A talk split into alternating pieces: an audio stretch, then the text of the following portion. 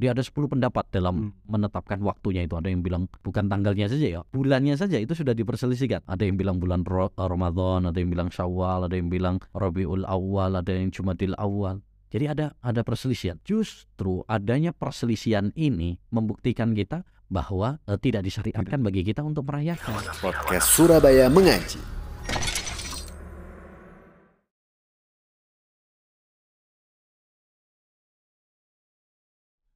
Assalamualaikum warahmatullahi wabarakatuh. Alhamdulillah wassalatu wassalamu ala rasulillah. Bisa sekalian selamat datang kembali di podcast Surabaya Mengaji. Di podcast ini kita akan membahas seputar tema-tema menarik yang insya Allah dibahas dari segi syariat Islam. Bersama guru kita saat di episode kali ini Ustadz Abu Baida Sidawi. Assalamualaikum Ustadz. Waalaikumsalam warahmatullahi wabarakatuh. Sehat Ustadz ya. Alhamdulillah. Alhamdulillah Ustadz kita membahas seputar yang habis ini biasanya diperingati oleh sebagian kaum muslimin Ustadz Iya. Yaitu perayaan Isra Miraj. Nah ini sebagaimana kita ketahui sendiri tiap tahun sebagian dari saudara kita muslim itu ada yang memperingati terkait perayaan Isra Miraj ini. Nah sebelum kita masuk ke hukum merayakan dan juga eh, yang lain sebagainya mungkin bisa diceritakan dulu Ustaz terkait peristiwa Isra Miraj ini gimana Ustaz? Alhamdulillah wassalatu wassalamu ala rasulillah wala hawla wala quwata illa billah amma ba'du. Peristiwa Isra Mi'raj ini peristiwa yang sangat eh, agung ya, yang sangat eh, menakjubkan ya, yang diabadikan oleh Allah SWT dalam Al-Qur'an dan juga sudah dikabarkan oleh Nabi SAW dalam hadis-hadis yang sahih bahkan mutawatir dan para ulama juga sudah sepakat tentang peristiwa ini ya bahwa ini adalah peristiwa yang benar, peristiwa yang wajib kita imani, yang wajib kita percayai, walaupun mungkin akal kita nggak nyampe. Apa itu Isra Mi'raj? Isra artinya perjalanan dari seorang Nabi Muhammad SAW dari Masjidil eh, Haram ke Masjidil Aqsa. Dan itu sudah diabadikan dalam surat Al-Isra. Subhanalladzi asra bi abdihi lailan minal Masjidil Haram ilal Masjidil Aqsa alladzi barakna haulahu. Maha suci Allah SWT yang menjalankan hambanya yaitu Nabi Muhammad SAW dari Masjidil Haram Mekah ke Masjidil Aqsa Palestina. Palestina. Ya, Masya Allah. Itu kan sesuatu yang luar biasa. Yang waktu itu belum ada pesawat lagi ya kan. Eh, kalau Mi'raj, Mi'raj itu artinya naik. Ya, itu maksudnya adalah naiknya Rasulullah SAW dari Masjidil Aqsa tadi, kemudian ke langit, ke langit yang ketujuh dekat dengan Allah Subhanahu Wa Taala ke Sidratul Muntaha, eh, itu namanya Mi'raj. Ya, jadi peristiwa Isra Mi'raj itu adalah peristiwa perjalanan Nabi SAW dari Masjidil Haram Mekah menuju Palestina, Masjidil Aqsa, kemudian dari Palestina, Masjidil Aqsa, eh, Allah SWT angkat ke langit yang ketujuh, kemudian mendapatkan wahyu, kewajiban sholat. Hmm. Nah, eh, sebelum subuh udah balik lagi ke Mekah. Ke Mekah. Ya, makanya ini peristiwa yang sangat luar biasa gitu, yang dimasukkan oleh para ulama termasuk mukjizat Nabi. Mukjizat itu ada artinya sesuatu yang luar biasa. Kalau pakai logika nggak masuk di akal. Masa dari Mekah ke Masjidil ke Palestina, terus habis itu ke Langit ketujuh. ke langit yang ketujuh hanya dalam satu malam gitu ya sebelum subuh udah balik lagi ke Mekah itu kan nggak masuk di akal. Makanya ketika Nabi Shallallahu Alaihi Wasallam habis peristiwa Isra Mi'raj itu kemudian menyampaikan kepada kaumnya orang-orang kafir Quraisy mereka tertawa terpinggal-pinggal. Wah ini nak Muhammad tambah gila ini, tambah bohong dan sebagainya. Mereka tambah nggak percaya gitu dengan Nabi Shallallahu Alaihi Wasallam. Ya, tapi ada seorang sahabat yang subhanallah sangat beriman kepada Nabi SAW yaitu Abu Bakar As-Siddiq di saat semua orang nggak percaya dengan Nabi SAW beliau mengatakan in qala dzalika Muhammadun faqad sadaq kalau yang mengabarkan itu adalah Muhammad pasti benar. Karena dia tahu bahwa Nabi Muhammad itu jujur nggak mungkin bohong. Ya nggak mungkin bohong. Intinya ini adalah peristiwa yang sangat maha dahsyat yang diabadikan oleh Allah dalam Quran, diceritakan oleh Nabi dalam hadis-hadis yang sahih bahkan mutawatir dan sudah disepakati oleh para ulama dalam eh, kitab-kitab mereka, bahkan ini dimasukkan dalam kitab-kitab akidah supaya kita meyakininya, ya mengimaninya eh, eh, walaupun mungkin akal kita tidak menerimanya ya, oh nggak masuk di akal gitu. Tidak segala sesuatu itu harus harus eh, diterima oleh akal kita. Kenapa? Karena akal manusia itu terbatas. Ya, akal manusia terbatas. Wa ma utitu minal ilmi illa qalila. Kalian tidak diberi ilmu kecuali sedikit. Selama itu adalah berita dari Allah, selama itu adalah berita dari hadis Nabi yang sahih dan para ulama juga sudah sepakat, ya wajib bagi kita untuk mengimaninya. Walaupun akal kita nggak nyampe. Ya, jangan sampai nih kita nggak percaya gara-gara oh uh, akal kita masuk akal. nggak masuk akal nih ya akhirnya kita nanti seperti orang-orang mutazila orang-orang ahli filsafat yang dikit-dikit harus diselaraskan dulu dengan akal kalau masuk akal diterima kalau nggak masuk akal nggak diterima ya Eh, akhirnya kayak kemarin tuh masuk akal nggak sih? Ya, pakai akal dong sayang. Nah itu. Iya. ya, ya pendekatan keimanan inilah yang harus kita lakukan seperti yang dilakukan oleh Abu Bakar As-Siddiq. Eh jangan kita malah menyerupai orang-orang kafir. Orang-orang kafir mereka menggunakan logika oh nggak masuk di akal nih. Nah ini tambah gila Muhammad nih ceritanya gitu. Tapi Abu Bakar As-Siddiq tidak melakukan pendekatan logika ya beliau melakukan pendekatan keimanan. Nah ini yang harus kita lakukan. Selama hadisnya sahih bahkan mutawatir selama eh, dalilnya jelas wajib kita imani gitu. Nah, dari peristiwa yang maha dahsyat tadi Ustaz, ya. Ini eh setiap tahunnya di sebagian kaum muslimin kita akhirnya memperingati Ustaz. Kan Hmm. kita banyak temui itu di pamflet-pamflet atau di banner-banner ya. peringatan Isra Mi'raj. Nah, ini apakah biasanya memang 27 rojab biasanya 27 Rajab ya? pas ini Iya. Nah, ini apakah memang disyariatkan yang pertama, terus yang kedua di kalangan para salafus soleh dulu apakah ada contohnya atau bagaimana Ustaz? Jadi pertama peristiwa itu peristiwa Isra Mi'raj itu memang benar adanya. Itu wajib kita imani. Ya, wajib kita imani. Eh, yang masalah yang kedua yaitu kapan terjadinya eh, dan apakah kita boleh untuk merayakannya? Ini masalah yang lain. Ya, masalah yang lain yang perlu untuk di eh, dibahas, diteliti oleh orang yang memang ingin mencari kebenaran. Jadi kalau masalah peristiwanya, peristiwa ini benar ada memang. Itu wajib kita imani gitu. Karena dalilnya ada, eh, hadisnya ada, para ulama juga ijma gitu. Tapi eh, apakah kemudian kita merayakannya, menjadikannya sebagai perayaan, peringatan, itu masalah yang lain. Ya. eh, dan wallahu alam kalau kita mau melakukan penelitian terhadap dalil-dalil Al-Quran dan hadis Nabi SAW serta penjelasan para ulama menjadikan hari peristiwa Isra Mi'raj itu sebagai perayaan atau peringatan kurang tepat. Kenapa? Satu, dari sisi sejarah. Tidak ada bukti yang otentik bahwa eh, Isra Mi'raj itu terjadi pada tanggal 27 Rajab. Nggak ada bukti yang otentik. Para ulama alul hadis mengatakan bahwa eh, apa yang diyakini oleh sebagian masyarakat bahwa Isra Mi'raj itu terjadi pada tanggal 27 Rajab itu tidak ada hadis yang sahih. Ya, nggak, tidak bisa dibuktikan secara ilmiah, secara keotentikan hadis itu nggak ada.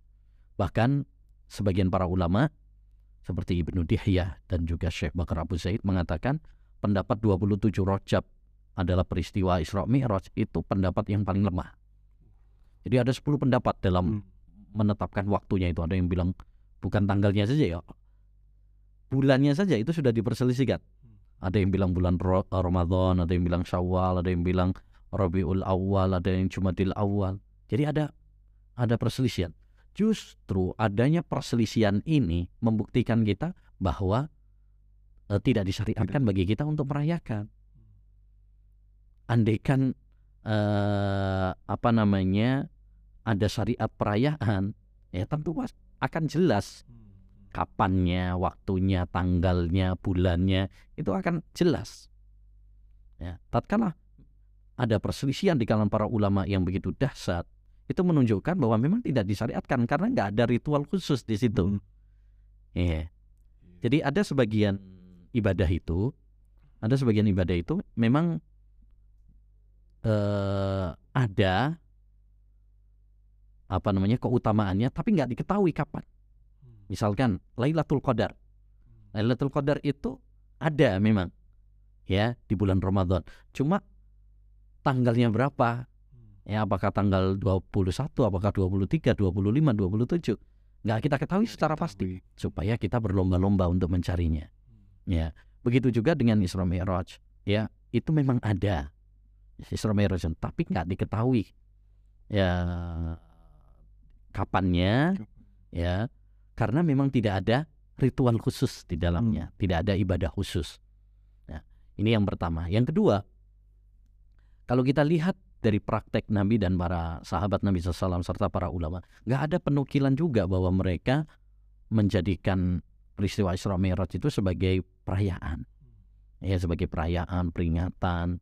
Apalagi, mohon maaf, ya zaman sekarang ini kadang perayaan-perayaannya atau peringatan-peringatannya dibalut dengan kemaksiatan-kemaksiatan, modang musisi, biduan-biduan, campur Hmm. baur laki perempuan, eh, bahkan yang lebih menyedihkan itu kadang sampai larut malam, besoknya tepar nggak sholat subuh, ya. Padahal salah satu pelajaran inti dari Isra Mi'raj itu adalah sholat, ya kan?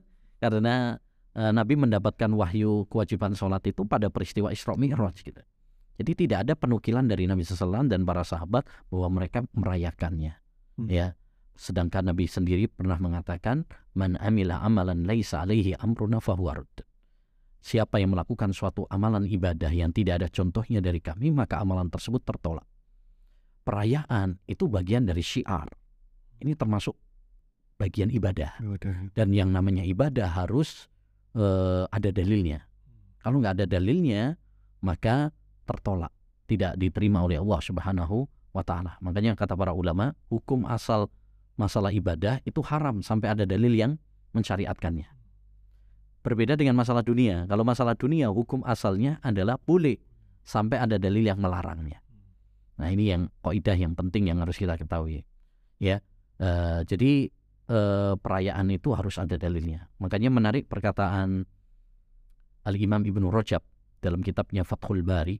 Beliau pernah mengatakan ibadah itu harus berdasarkan dalil. Eh, perayaan itu harus berdasarkan dalil, bukan perasaan dan hawa nafsu. Hmm. Kalau kita perayaan itu berdasarkan hawa nafsu, ini eh, mirip-mirip ya menyerupai kayak orang-orang ahlul kitab dahulu. Ya, ketika mereka mengatakan eh ya pernah ada seorang ahlul kitab datang kepada siapa? Kepada sahabat Umar bin Khattab ya. Sahabat Umar bin Khattab dia mengatakan wahai Umar ada sebuah ayat di dalam Quran kalian. Andaikan ayat itu diturunkan kepada kami kami akan jadikan itu sebagai hari perayaan. Surat apa itu? Ya ya ayat apa itu? Ayat tentang kesempurnaan agama Islam. Di situ dia mengatakan andaikan itu diturunkan kepada kami kami akan jadikan sebagai hari perayaan. Ya. jadi mereka sering-sering mengadakan perayaan gitu. Hmm. nggak pakai tuntunan nggak pakai eh, yang penting pokoknya menurut mereka baik. Nah itu jadi intinya perayaan peringatan itu harus berdasarkan dalil kalau memang ada dalilnya seperti eh, hari raya Idul Fitri Idul Adha ya oke ya kita jalankan tapi kalau yang nggak ada dalilnya jangan Hmm. Nah, terkait peristiwa Isra Mi'raj ini apakah ada hikmah atau ibrah yang bisa dipetik Ustaz bagi kita kaum muslimin me- setelah mengetahui peristiwa tadi Ustaz? ya itu yang paling penting Ya. ya jadi yang paling penting dari dari Isra Mi'raj itu adalah bagaimana kita mengambil hikmah pelajaran ibro. Bukan sekedar perayaan. Perayaan. Tapi nggak ngambil ibro percuma dong ya kan? Jadi yang paling penting itu kita mengambil ibrohnya mengambil pelajaran dari peristiwa itu. Eh, peristi- eh, pelajaran ibroh dari Isra Mi'raj banyak. Satu ya bahwa kita jangan berlebihan terhadap akal itu itu pelajaran pertama tuh. Karena masalah Isra Mi'raj itu di luar akal. Di luar akal. ya di luar akal. Ya tapi Islam mengajarkan kepada kita jangan berlebihan kepada akal. Betul kita menghormati akal. Kita memuliakan akal. Tapi jangan sampai berlebih-lebihan sampai menjadikan akal ini sebagai hakim menghakimi dalil-dalil Quran dan hadis jangan. Itu yang pertama. Yang kedua eh, dari peristiwa Isra Mi'raj juga dapat kita ambil ibrah apa? Akidah tentang Allah Subhanahu wa taala itu di atas langit. Ini akidah yang berdasarkan Quran, hadis dan kesepakatan para ulama dan juga sesuai dengan fitrah dan akal yang sehat bahwa Allah Subhanahu wa taala itu di atas langit. Ya. E, logikanya apa? Kalau Allah Subhanahu wa taala itu ada di mana-mana, ya kan nggak perlu diangkat sampai ke langit gitu kan. Bertemu dengan Allah Subhanahu wa taala. Ya. Itu. Kemudian pelajaran inti juga ibrah yang inti dari peristiwa Isra Mi'raj pentingnya sholat pentingnya sholat kalau ibadah-ibadah yang lain itu diwajibkan oleh Allah Subhanahu wa taala di bumi lewat perantara Jibril tapi sholat langsung, Langsung. di atas langit nih masya Allah makanya kita harus perhatian sama sholat jangan sampai tadi mengadakan perayaan Isra Mi'raj ya, subuhnya malah nggak sholat kebablasan. Ya kan ini ya lucu gitu. Makanya yang paling penting sekali lagi eh, Isra Mi'raj itu yang paling penting adalah bagaimana kita mengambil ibrah pelajaran. Bukan cuma sekedar perayaan. Begitu. Wallahu a'lam. Taib, Masya Allah, syukran Jazakallah khairan atas pemaparannya. Demikian pemirsa sekalian seputar terkait episode kali ini seputar eh, perayaan Isra Miraj. Tadi sudah dipaparkan oleh Ustaz terkait peristiwanya, kemudian hukum merayakannya dan juga ibroh atau hikmah yang bisa dipetik dari eh, peristiwa Isra Miraj. Dan semoga setelah kita menyaksikan video ini kita bisa semakin terbuka pikiran kita terkait perayaan Isra Miraj ini. Demikian, sampai bertemu lagi di episode berikutnya insya Allah. Kita tutup. Wassalamualaikum warahmatullahi wabarakatuh.